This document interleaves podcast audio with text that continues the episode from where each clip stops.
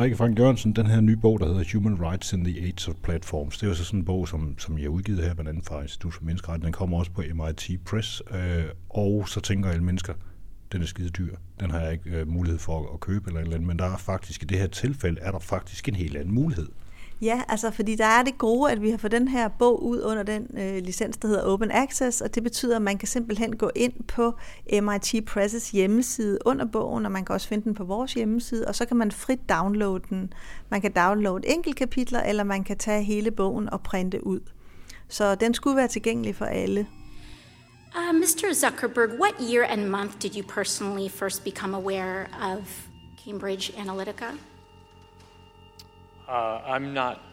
I'm not sure of the exact time, but it was probably around the time when it became public. I think it was around March of 2018. I, I could be wrong though. Mm-hmm. Retten til privatliv er ofte blevet formuleret som din ret til at være i fred. Øhm, men det er i virkeligheden, synes jeg, andet og mere end det. Det handler om, at det i udgangspunktet er dig, der har ret til at kontrollere din krop, dit hjem, din familie, dine oplysninger. Og man kan sige, at i, i den her tid, hvor vi taler så meget om data, der er det især det her med oplysninger om dig. At udgangspunktet er altså, at oplysninger og data om dig, dem har du ret til at have kontrol over. Så dem skal andre ikke bare tage, uden du ved det, og bruge til ting, som du ikke er bekendt med. Det er dig, der har ret til at have de oplysninger og bestemme over dem. Det her med menneskerettigheder i platformenes tid, og når vi bruger udtrykket platform, så taler vi jo om de internetplatforme, vi typisk bruger. Det kan være Facebook, eller Google, eller YouTube, eller nogle af de her andre. Det, som den her bog vil handle om, det er vel også, at de her rettigheder er ved at ændre sig, eller måske direkte under pres, simpelthen på grund af de her platforme. Ja, altså øh, det er helt rigtigt. Vores rettigheder kommer under pres, fordi at de store internetplatforme, de styres og kontrolleres og ejes af, af virksomheder, som er private virksomheder. Og de har ikke den samme forpligtelse til at overholde vores rettigheder, som staten har. Øh, det er det er butikker, kan du sige, som vi bevæger os rundt i, og derfor er det dem, der suverænt bestemmer, hvad der må foregå, når vi er på de her platforme, hvem der må ytre sig, hvem der ikke må, hvad for noget information vi præsenteres for, hvad vi ikke præsenteres for, hvilke ting, der kommer op i vores nyhedsfeed osv. Øh, de samler også en, en hel masse data om os, når vi bevæger os rundt, og socialiserer, skriver med vores venner, deltager i politisk aktivisme, søger information eller hvad vi nu foretager os. Alle de handlinger, kan du sige, de, de afgiver information. Det drøber så at sige ned på sådan en stor glasplade, og så står der neden, nogen ned under pladen øh, og samler data op i maskinrummet, og det kommer så ind i et produktionsapparat, hvor det bliver bearbejdet øh, og bliver, kommer ud på den anden side som nogle produkter, der handler om at vide noget om, hvad vi synes, hvad vi prioriterer, hvad vi gerne vil købe, hvem vi samtaler med osv. Og de, de produkter, dem er der rigtig, rigtig mange penge i. Og derfor er de her store internetplatforme også blevet, blevet øh, meget rige på tjenester, som i princippet er gratis. De, de produkter, det er det, man også kalder for futures, altså noget, der handler om, hvad vi vil gøre om lidt. Ja, det er rigtigt. De handler, i, de handler i viden om, hvem vi er, og hvad vi gerne vil, og hvad vi vil gøre, så de kan prøve at påvirke os i nogle bestemte retninger, til at købe nogle bestemte produkter, eller til at mene noget bestemt politisk. Alright, so everybody knows that industrial capitalism claimed nature as a source of raw material to be converted for production and sales. Right? I don't have to go into those details. We all recognize that. When it comes to surveillance capitalism, it aimed to move in the same direction, to find a new virgin wood that could be claimed for the market dynamic, but in a kind of unexpected, startling, and even dark twist. The virgin wood that it found for a final frontier of commodification was not nature, but human nature. En af de ting, som, som den her nye bog indeholder, den har jo faktisk et scoop, der, der er et bidrag af en af dem, der er mest skal man sige, markant i lige præcis den her debat, som er Susanna Suboff. Øh, hende, du arbejder sammen med, hvordan har det været at have hende ind over det her projekt? Jamen, øh, jeg skrev til Susanna Suboff, da jeg fik ideen til bogen tilbage i sådan 15-16. Og der havde jeg egentlig ikke... Jeg, jeg kendte hende, fordi jeg havde læst hendes første bog for mange år siden, da jeg var studerende på, på Aarhus Universitet. Den hedder In the Age of the Smart Machine. Øhm, og så havde jeg ikke sådan stødt nævneværdigt på hende i de følgende år, men så i 2015, hvor jeg var i New York, der faldt jeg over en artikel, hun havde fået udgivet, som handlede om overvågningskapitalisme. Og så tænkte jeg, at den var rigtig, rigtig interessant, og den indrammede nogle af de samme spørgsmål, som jeg sad, sad med. Og så skrev jeg simpelthen en mail til hende og skrev, at jeg havde, øh, jeg havde arbejdet med hendes første bog til, øh, for, for mange år siden, og nu var jeg faldet over den her artikel, og jeg var ved at forberede en bog om de her spørgsmål, om hun ville have lyst til at være med i bogen. Og så skrev hun tilbage, at øh, meget venligt, at det synes hun lød som et rigtig spændende projekt, og det ville hun gerne. Hun arbejdede selv på en bog, som hun regnede med var færdig lige om lidt, øh, og så ville der være god tid til at skrive det her kapitel. Og efterhånden, som, øh, som tiden så gik, og, og arbejdede med, med min egen bog skrevet frem så blev hun jo så blev hun faktisk mere og mere forsinket, fordi hendes eget kæmpe bogprojekt blev ved med at, at trække ud, og der var alle mulige forhindringer og vanskeligheder. Så vi endte med at e-mail rigtig meget frem og tilbage med hinanden om hendes kapitel, og hvornår hun kunne få det lavet. Øh, og det blev skudt flere gange, men, øh, men det lykkedes til sidst, og hun fik skrevet et kapitel, hvor hun sætter sit begreb om overvågningskapitalisme øh, ind i en, en menneskeretlig sammenhæng, og hvor den sådan, hvad skal man sige, den store konklusion på det kapitel er, at det der er med overvågningskapitalismen, det er, at den sætter selve retten til at have rettigheder under pres. Så den presser ikke bare rettighederne, den presser også på, om vi overhovedet har lov og ret til at have rettigheder i det her nye samfund. Kan du prøve at beskrive, hvordan det gør det? Jamen, jeg tror, noget af det, hun, hun tænker på, nu hun jo ikke, altså, hun er jo ikke sådan en menneskerettighedsekspert og jurist. Hun skriver det som sociolog, så hun skriver det i et, i et, i et lidt andet sprog, kan man sige. Men, men noget af det, hun, hun taler om, det er i virkeligheden noget, nogle af de samme spørgsmål, som bogens menneskeretlige jurister taler om, nemlig at vores beskyttelse som borgere af vores grundlæggende rettigheder, den, den beskyttelse er bundet op på, at vi har en stat, der har skrevet under på, at de her rettigheder, dem forpligter de sig til, og de vil sikre, at de bliver overholdt. Men den slags traktater øh, og aftaler har private virksomheder ikke skrevet under på. Så når en stor del af, af vores øh, offentlige og private liv flytter over i det private domæne, så har vi faktisk ikke den beskyttelse mere, fordi den stat, som skulle beskytte os, det er ikke dem, der råder og hersker over i de domæner, hvor vi er. Så med mindre, at staterne går ind og retligt forpligter tech-virksomhederne på nogle af de her standarder, så er vi altså i sådan et, et, et, en gråzone, hvor det er deres øh, terms of service, der sætter øh, grænserne for, hvad vi kan og hvad vi ikke kan. Sorry, I, I, can you repeat that? Would I be able to run advertisements on Facebook targeting Republicans in primaries saying that they voted for the Green New Deal? I mean, if you're not fact checking political advertisements, I'm just trying to understand the, the bounds here. What's fair game? I, uh, I don't know the answer to that off the top of my head. I think. So you don't know if I'll be able to do that. I think probably. Um, der er mange rettigheder, der er under pres, men, men de to-tre rettigheder, som der nok er mest fokus på i bogen, det er retten til privatliv, det er retten til ytrings- og informationsfrihed, og så er det det her princip, princip om, at vi ikke skal diskrimineres. Øh, retten til privatliv, det er nok måske i virkeligheden den, der har været skrevet allermest om, og der kan man sige, der har vi jo i Europa ret meget regulering i form af GDPR og anden databeskyttelsesregulering, øh, som, som sætter nogle grænser for, hvordan man skal behandle data, og hvad man må gøre med data, hvornår man må udveksle det, hvad, hvad man må bruge det til, hvor lang tid man må beholde det osv. Og de regler, øh, de gælder faktisk for både offentlige og private aktører. Så du kan sige, der har du faktisk noget lovgivning, som stater har vedtaget, som tech-giganterne er omfattet af. Problemet er så bare, som det bliver påpeget mange steder i bogen, og det er der også mange andre, der har sagt, er, at meget af den her databeskyttelse, den er bundet op på ideen om, at du kan beskytte din personlige information. Du har ligesom kontrol over den, og du samtykker til de situationer, hvor andre må bruge den. Men realia er, at det samtykke, det giver vi hele tiden mere eller mindre bevidstløst, fordi vi gerne vil bruge alle de her forskellige tjenester. Så den beskyttelse, som samtykket egentlig skulle give os, den fungerer ikke sådan i praksis.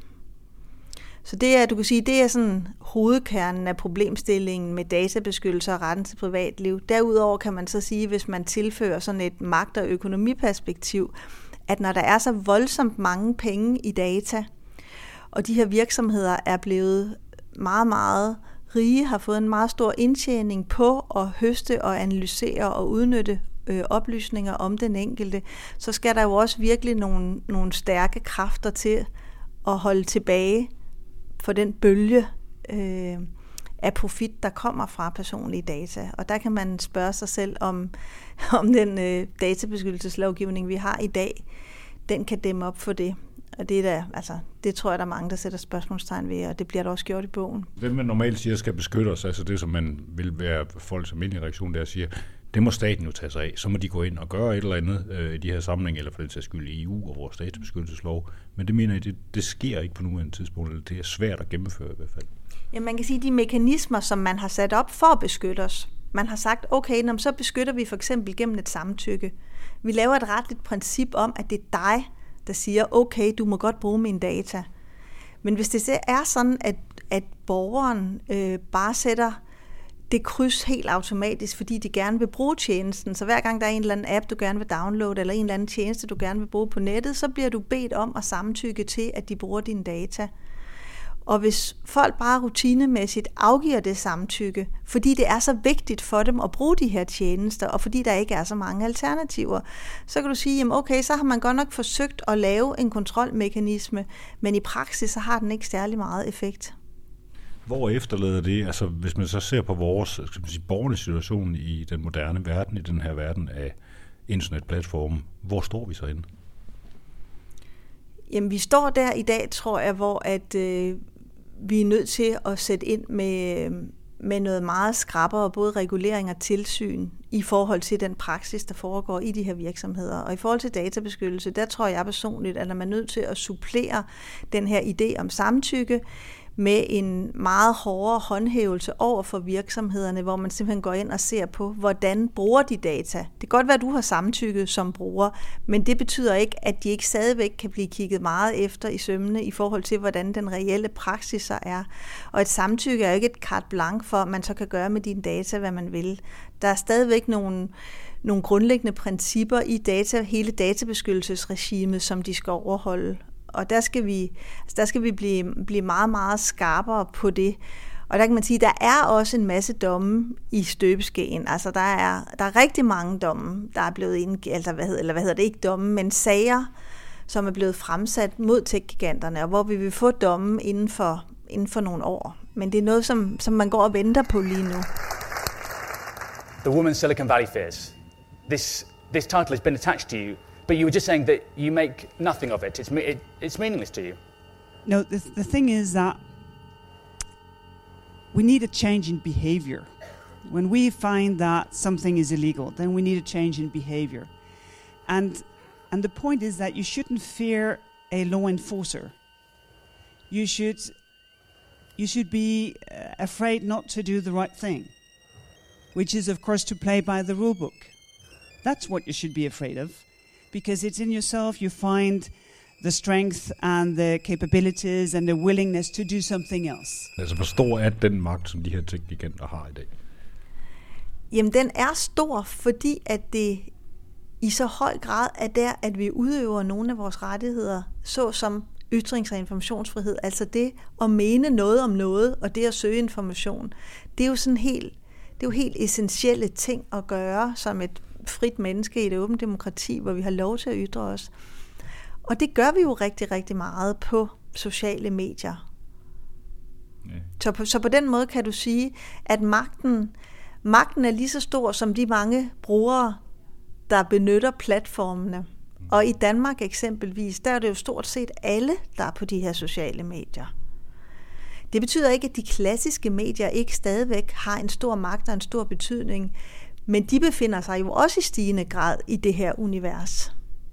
De er jo også blevet algoritmisk afhængige, kan man sige. Ja, og de har også nyhedsformidling og kommentering og, det, og debatter i relation til nyheder på de sociale platforme. Så de er jo ikke sådan bare i sådan et frakoblet andet univers, hvor de gamle medier er. De er jo også filtreret ind i de nye medier. Bare lige så på her til sidst, man kunne, kunne, kunne gå lidt ind i at sige, hvis nu man sidder som helt almindelig menneske derhjemme og sidder og tænker, det her, alle det her menneskerettigheder, sociale platformer og sådan noget, hvad betyder det for mig? Kan du, kan du give nogle eksempler på, hvor det her faktisk, altså hvor det spiller ind i, i sådan almindelig dagligliv? Jamen, jeg synes jo faktisk, at det med at, at bruge Facebook som et sted, hvor man kommunikerer med sine børn og børnebørn og venner og familie, og lægger alle mulige ting op, det er jo noget, som, i hvert fald hvis vi taler Danmark, stort set altså alle mennesker gør. I virkeligheden er nok dem, der i mindst grad er der, er så nogen som mig selv, som efter at have været der i mange år, har trukket sig tilbage og tænkt, det der, det vil jeg ikke mere. Men ellers så virker det jo, når man kigger aldersmæssigt sådan om, at det faktisk, det er ikke bare sådan et sted, hvor de unge er. Der er i lige så høj grad, altså midalderne og ældre mennesker øh, på de her sociale medier. Så på den måde kan du sige, at den den påvirkning og kuratering og udnyttelse af data, som der sker, er ikke kun noget, der vedrører en eller anden ung, super digital gruppe. Det vedrører os alle sammen. Og noget andet er så, at der også i stigende grad er et samspil mellem de her sociale medieplatforme og så vores offentlige myndigheder. Altså så der jo også er der er jo også i stigende grad, når du går ind og bruger for eksempel en eller anden kommunal hjemmeside, så bliver du linket over, eller hvis du går ind på Danmarks Radio, eller hvis du er på universitetet. Altså der er mange, mange steder, hvor hvad skal man sige, andre aspekter af vores liv spiller sammen med de her platforme, så når de problematikker, som, som vi har talt om, de kommer i virkeligheden til at have en, en, en meget bredere betydning. Når man i gamle dage læste en avis eller så tv-avisen, så var der ikke nogen, der vidste, hvad man sad og læste, eller hvem der sad ved siden af en imens. Men vi har nu rykket ind på grund af, at vi får vores oplevelser igennem de her platforme. Så er der dybest set nogen, der sidder og registrerer hele tiden, hvad det er, vi foretager. Så er det sådan, kan man bruge det som billede på noget af det, der sker. Ja, det kan man sagtens sige. Og, og ikke nok med, at det bliver registreret. De data bliver så også opsamlet og brugt. Og der kan du sige, der er, øh, der er brugen af de data, der er det jo kun fantasien, der sætter grænser i forhold til nye markeder. Ikke? Der kan være alle mulige forskellige interesser i at vide, hvad du læser, og hvem du mødes med, og om du er på ferie, eller om du ikke er på ferie i forhold til, om du skal have en eller anden social ydelse, eller hvad ved jeg. Altså det er kun fantasien, der sætter grænser for, hvad man kan bruge data om det enkelte menneskes liv til. Og der altså grundlaget i retten til privatliv, det er jo i virkeligheden at sige, at viden og information er magt.